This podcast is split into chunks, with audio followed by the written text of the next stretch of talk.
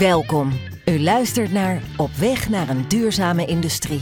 Een podcast van Stork over duurzaamheid, circulariteit en de energietransitie in relatie tot onderhoud en asset management. In deze podcastserie spreken we met vernieuwers en over praktijkvoorbeelden in de energietransitie. Uw host is Ferry Visser. Fijn dat u luistert. Vandaag hebben we een speciale editie, want we zijn te gast bij het Drenthe College in Emmen. En we spreken in onze podcast met Willem Hazenberg over opleidingen en onderwijs in relatie tot waterstof. Zoals bekend ontwikkelt groene waterstof zich tot onmisbare schakel in de energietransitie. Er staan veel projecten op stapel voor electrolyzers, terwijl tegelijkertijd nog veel onderzoek en ontwikkeling nodig is om het rendement van de omzettingen hoog genoeg te krijgen. Voor dit alles zijn heel veel mensen, vakmensen nodig. Zijn deze er wel? Willem Hazenberg is van huis uit procestechnoloog en heeft sinds 1980 bij diverse bedrijven gewerkt en ook heel veel opleidingen gevolgd. Hij lijkt wel de personificatie van een leven lang leren, wat het nieuwe normaal zou moeten worden. Met name zijn opleiding aan de Universiteit Groningen op het gebied van energietransitie en aansluitend zijn post-HBO registeropleiding tot waterstofspecialist aan de New Energy Business School positioneren hem midden in het waterstof-ecosysteem dat zich momenteel stormachtig ontwikkelt. Willem is deeltijd practor waterstof en deeltijd senior asset management consultant en subject matter expert op het gebied van waterstof natuurlijk bij Stork. Dit alles maakt Willem tot de uitgelezen gesprekspartner om meer te weten te komen over de Human Capital Agenda in relatie tot de waterstofeconomie. Willem, welkom in onze podcast. Dank je, Ferry. Om maar meteen met de deur in huis te vallen, gaat de beschikbaarheid van goed opgeleide professionals voor de waterstofeconomie de bottleneck van de energietransitie worden, Willem. Hoe denk jij daarover? Dat zal zeker een van de bottlenecks zijn, omdat we gewoon een daling zien in de aanwas van technisch personeel in het algemeen. Dus ook van jongeren. Uh, nou, waterstof is natuurlijk wel iets wat helemaal hot is bij, uh, ook onder jongeren. Maar je moet ze wel binnenkrijgen. Want je hebt natuurlijk al wel een basis nodig op het gebied van elektrotechniek of mechanica. Voordat je in de watersopleiding kan, uh, kan instromen. Oké, dus, dus om mijn vraag te beantwoorden. Jij zegt het is al lastig om technische mensen zeg maar, te werven. En dan mensen die specifiek geïnteresseerd zijn in deze waterstofeconomie. Dat vraagt nog wel wat extra. De, welke skills en vaardigheden zijn er nodig om in deze sector te gaan werken in de toekomst? Ja, ze zijn divers. Uh, kijk, enerzijds heb je natuurlijk technische skills nodig. Uh, historische skills. Is afhankelijk waar je zit in, uh, in het proces eigenlijk van. Dus zit je in de productiekant, zit je in de netwerkkant, zit je aan de eindapplicatiekant. maar wat je eigenlijk ook kan zien, ik heb een soort assetmodel uh, ontwikkeld voor rond waterstof. En de ene kant gaat eigenlijk wat ik noem de productielijnen. Dus van nou, je maakt productie. Uh, maar ook van hoe sla je het op? hoe ga je om met het veiligheidsaspect? hoe heb je het economisch model eronder liggen? Hoe moet je denken aan de veiligheidsrichtlijnen die er liggen van en vanuit de overheid. Maar ook van, ja, stel het gaat fout, hoe heb je het calamiteitenmodel ingericht? Nou, al die dingen spelen een, een rol. En dat kan je op twee MBO's hebben, waar de ene werkt als monteur en de andere als bevelvoerder bij de brandweer. Die hebben toch uh, beide ervaring voor waterstof nodig, maar toch heeft die ene en twee uur waterstofveiligheid voldoende, terwijl die andere echt dieper in moet gaan in dat aspect. Terwijl de andere juist meer moet kijken van ja, hoe zit met pakkingmateriaal en dat soort dingen. Dus je ziet zo'n verschillen. Dus we hebben eigenlijk een soort basismodel ontwikkeld waar je al die competenties in kan zien. En dan ook weer uh, de mate van, nou, moet je gewoon de basiskennis hebben, of moet je echt om expert zijn op dat specifieke, uh, specifieke onderdeel. Oké, okay, oké. Okay. Dus er is al wel een soort van uh, curriculum gemaakt waar zeg maar de waterstofmonteur van de toekomst aan moet voldoen. wat hem, waarin die opgeleid moet worden om straks nou ja, een waardevolle rol te kunnen spelen in die sector. Het MBO heeft daar eigenlijk het beste geregeld. Ja omdat er eigenlijk gewoon een formeel curriculum is. Daar bestaan op dit moment vier verschillende op MBO-niveau. Eentje is een basis- of technologieopleiding, is, is een basisopleiding, is MBO-niveau. Maar vraagt geen specifieke vooropleiding. Dus, je kan, dus dat je in iets bepaalde richting moet hebben. Daarnaast hebben we een basisopleiding in de industrie, in de mobiliteit en in de bouwomgeving. Nou, wij doen industrie. Dus voor al die dingen is een curriculum geschreven. Dat gaat, is een vrij complex uh, gebeuren. Dan moet je op school vinden, dan moet je dan een sector wat van vinden, dan moet je op een moment bedrijven moeten daar wat van vinden. En helemaal aan het einde geeft de minister daar een, een klap op. Dan wordt hij in de staatscourant wordt gepubliceerd en dan is dat gewoon ook het curriculum. Dus stel je gaat Ja. hem op een andere school geven ergens in Nederland, is dat wel het curriculum die je moet volgen. En dus als ik het goed begrijp, is de industrie ook echt betrokken geweest bij het schrijven van dit curriculum voor de waterstofmonteur voor de industrie van de toekomst. Ja. En nu, nu zien we dat natuurlijk ook weer bij, eh, bij deze opleiding, die dus dieper gaat, veel dieper gaat in, eh, in de materie waar we ook gewoon weer bedrijven uit de regio hebben aangehaakt. En die liggen dus in de productiekant, dan kan je denken aan Shell, dat kan denken in de maakindustrie, als realisator die tankstations eh, bouwt. Dan kan je denken aan, aan, aan, aan gasturbines of eindgebruikers zoals als, als het GTEC terrein bijvoorbeeld hier, eh, hiernaast ons. Zo dus heb je een aantal ja, verschillende bedrijven die een rol spelen. Ja. Of netbeheerders die laten in de netbeheerkant zitten. Ja, dus, dus het is echt eh, bedrijfsleven en onderwijs samen die eh, zeg maar, eh, de, input hebben gegeven aan dit curriculum. Ja. En die er uiteindelijk voor willen gaan zorgen dat we in de toekomst de goed opgeleide monteurs beschikbaar hebben. Dan ben ik heel benieuwd, is er interesse in die opleiding? Er is zeker interesse in de opleidingen. Zeker de, de basisopleiding is al een aantal honderden keer gegeven in, in Nederland. Oké, De mobiliteit die loopt nu in, in pilot, dus die heeft daar gelopen. Dus dat loopt ook. ja, Eh delen van de opleiding eh, zullen ook TST in de standaard eh, gaan komen. Dus zoals het nu werkt, je hebt in Nederland heb je dus zogenaamde keuzemodules. Mhm. Je hebt de keuzemodules bestaan uit 240 uur ja, in de vier blokken. Dus de bouwomgeving, de, Ja. de industrie, de mobiliteit en de bouwomgeving. ja, Nou, als we even kijken naar de industrieopleiding, die bestaat uit 24 eh, lessen van, eh, van twee uur. ja, daarnaast hebben we de e-learning omgeving, die je Mhm. net even hebt gezien in onze workshops, waar ze dan les kunnen volgen. Eh, maar je hebt ook praktijkopdrachten die je hebt hier, maar ook praktijkopdrachten die je gewoon kan doen bij bedrijven in de, in de ja. regio. ja. Ja, je, want eh, je refereert eraan, we hebben net even een rondje hier door dit college gelopen om eventjes te kijken hoe de praktijkruimte hier eruit ziet. En ja, dan zeg ik, als student is het natuurlijk prachtig om hier te kunnen werken en eh, te kunnen experimenteren, te kunnen ontwikkelen, eh, om eh, nou, je, je dat vak eigen te maken. Maar uiteindelijk is het natuurlijk ook mooi om bij bedrijven zelf aan de slag te gaan. En ik ben benieuwd, zijn er voldoende stageplaatsen voor die, voor die studenten om ook echt de volgende stap te maken in het leren werken in die, in die waterstoftechnologie?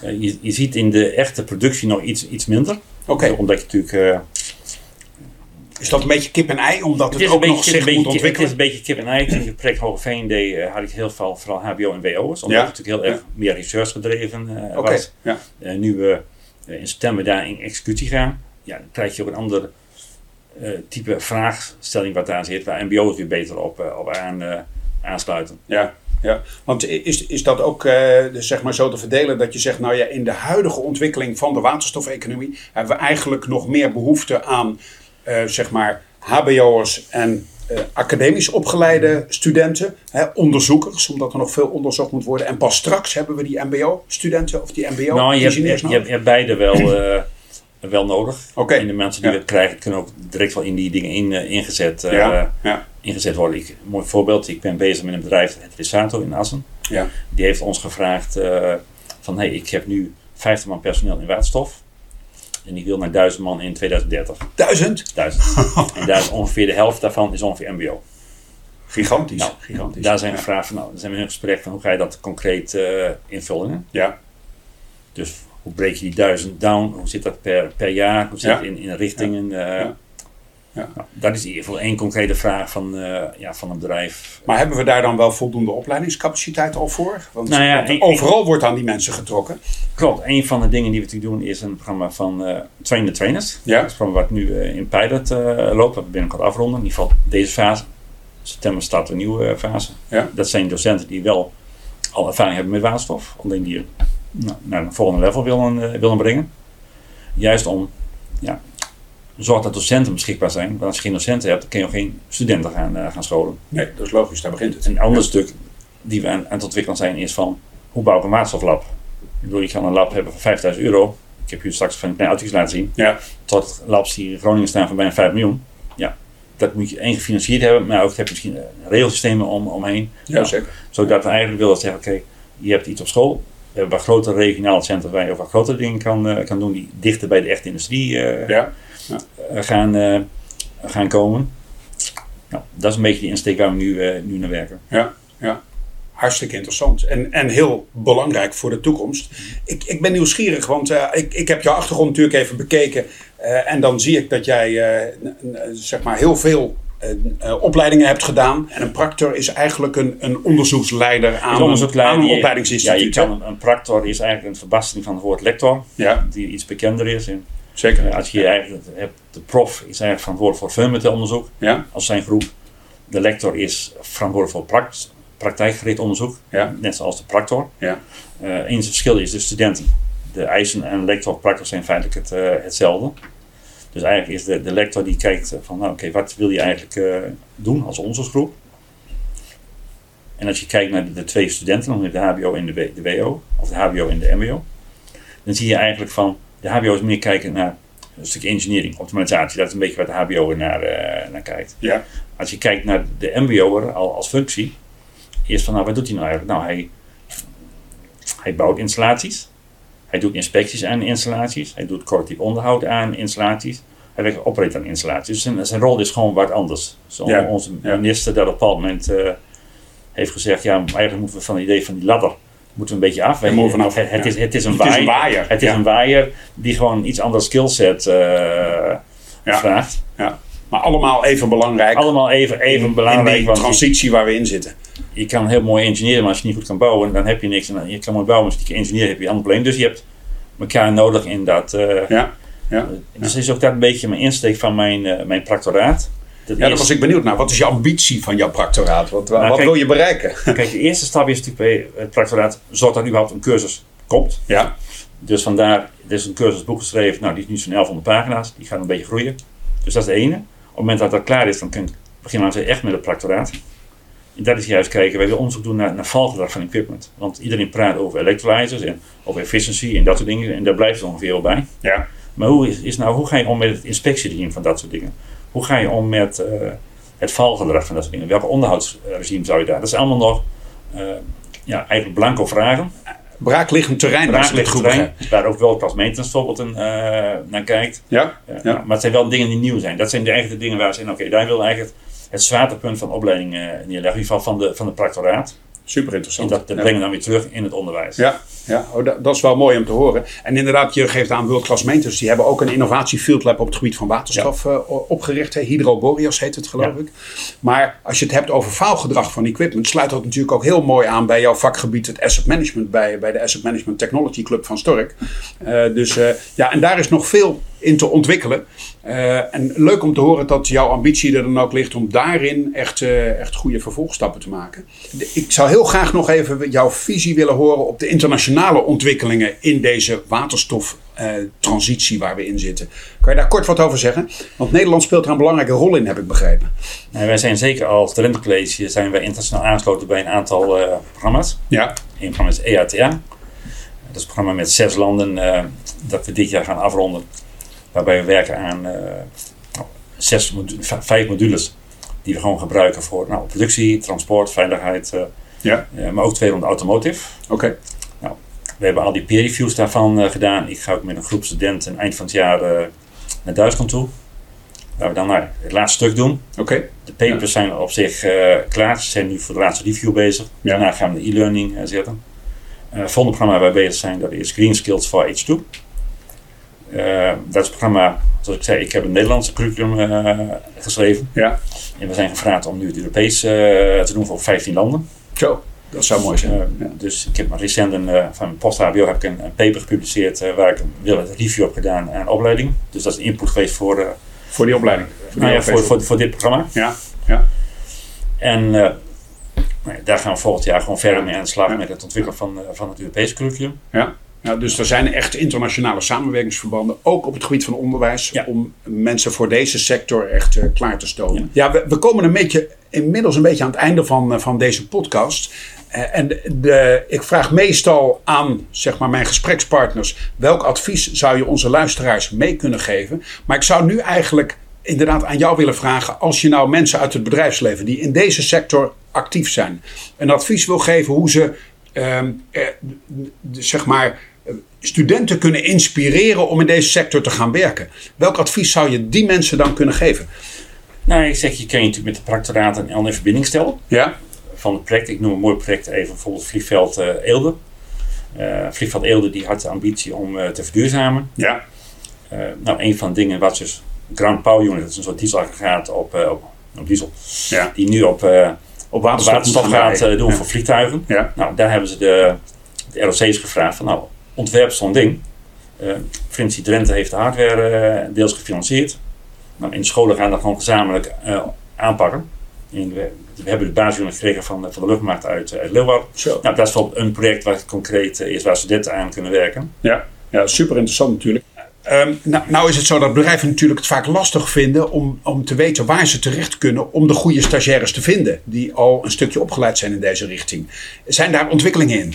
Ja, we zijn zeker met een aantal ontwikkelingen bezig. Ik zeg, we zijn dus bezig met uh, ja, koppelen van, van scholen in doorlopende leerlijn. Ja. Nou, in het Emmers ja. noemen we dat de Greenwise Campus. Aha. Waar we eigenlijk met het uh, Drenthe College, met in Astenden en, en de rug uh, samen gaan. Ja. Dus ja. een soort Universiteit van Noorden moet je dat, dat beschouwen. Ja. Dat is in ieder geval een van de zaken. En daarnaast kijken we, zijn we met nog iets anders bezig. Hij is een Campus Europe. Ja. Waar we eigenlijk zeggen, nou we zijn de plek eigenlijk Noord-Nederland. En wij willen even overkoepel een campus neerzetten. Wat een soort virtuele campus is, maar iedereen heeft zijn eigen specialiteit. Zoals wij hier in Emmersen specifiek naar veiligheid en, en naar onderhoudbaarheid gaan kijken. Ja. Kan je denken in, in Friesland bijvoorbeeld het Wetsen, die heel specifieke uh, kennis van water hebben, wat belangrijk is voor elektrolyse. Uh, Groningen op het van efficiency. En daar wordt zo feitelijk één grote campus overheen gebouwd. En ook daar zitten we te kijken naar een soort student- of een soort stagebureau, zou ik maar zeggen. Ah, waarbij je kan zeggen, ik heb een project. En dan zeg je, oké, ik heb daar twee WO's nodig, één MBO, twee HBO's, één elektrotechniek, één uh, energy law. Zodat je dan uh, als concreet project, zoals je normaal in het bedrijfsleven, heb je natuurlijk ook een project, heb je ook een diverse Ja, groep aan, uh, mensen heb je daarvoor voor nodig. Die gewoon samenbrengt. En daardoor krijg je veel sterkere teams. Ik ken ook eigenlijk veel grotere projecten zou je kunnen gaan, gaan doen. Dus dan heb je één overkoepelend stagebureau, één voordeur waar je aan kan bellen Ja. en je behoefte kenbaar kan maken. Ja. En dan kan je op de verschillende niveaus, in de verschillende disciplines, kan je de mensen uiteindelijk nou ja, als stagiair binnen jouw bedrijf halen die eh, jij nodig hebt voor jouw project. Ja. Eh, dat, dat, dat is een prachtige ontwikkeling. En dan natuurlijk hopen dat die mensen na hun stage ook zo eh, enthousiast zijn geworden dat ze willen blijven werken bij dat bedrijf. Maar eh, dit zijn hele, hele waardevolle ontwikkelingen. Dus de, de, de kunst is eh, aansprekende en aantrekkelijke projecten ontwikkelen en daar studenten gelijk bij betrekken. Ja, ja. Hoe kan je dingen gaan, gaan koppelen? Ik kijk maar even naar Hoogveen als voorbeeld. Daar heb je, heb je een, een woonwijk. ja de waterstofwijk. waterstof. Ja. Maar tegelijkertijd had Tennet daar ook een probleem. Die had te veel stroom onderweg. Nou, kunnen we die uh, elektrolyse daarvoor gebruiken? Uh, en we hebben nu de elektrolyse nog verplaatst naar de waterzuivering. Want die krijgt waterstofzuurstof over. Die kan zuurstof weer gebruiken en de warmte weer gebruiken. Dus juist die ketenkoppeling is, is heel belangrijk. En dat je gewoon weet hoe zitten die interacties in elkaar. Ja, ja super interessant. Ja, dus zo komt het alles toch weer samen. Ja. En uh, de, helpt dat uiteindelijk de energietransitie vooruit. Uh, ja, gezien het, gezien de tijd moeten we gaan afronden. Uh, ik denk dat dit verhaal een belangrijke bijdrage levert aan zeg maar op weg naar een duurzame industrie. Hè, want dat is uiteindelijk waar we deze podcastserie op richten. en ik hoop dat onze luisteraars nou ja, ook weer wat geïnspireerd zijn geraakt om ook hiermee aan de slag te gaan. En Willem, ik wil jou hartelijk danken voor je, voor je bijdrage hieraan. Dankjewel. Dank je, Ferry. Bedankt voor uw aandacht. Deze podcast maakt deel uit van de serie Stork Podcast onder de noemer Op weg naar een duurzame industrie. Beluister ook de andere edities. Meer informatie en alle andere podcasts vindt u op stork.com/podcast.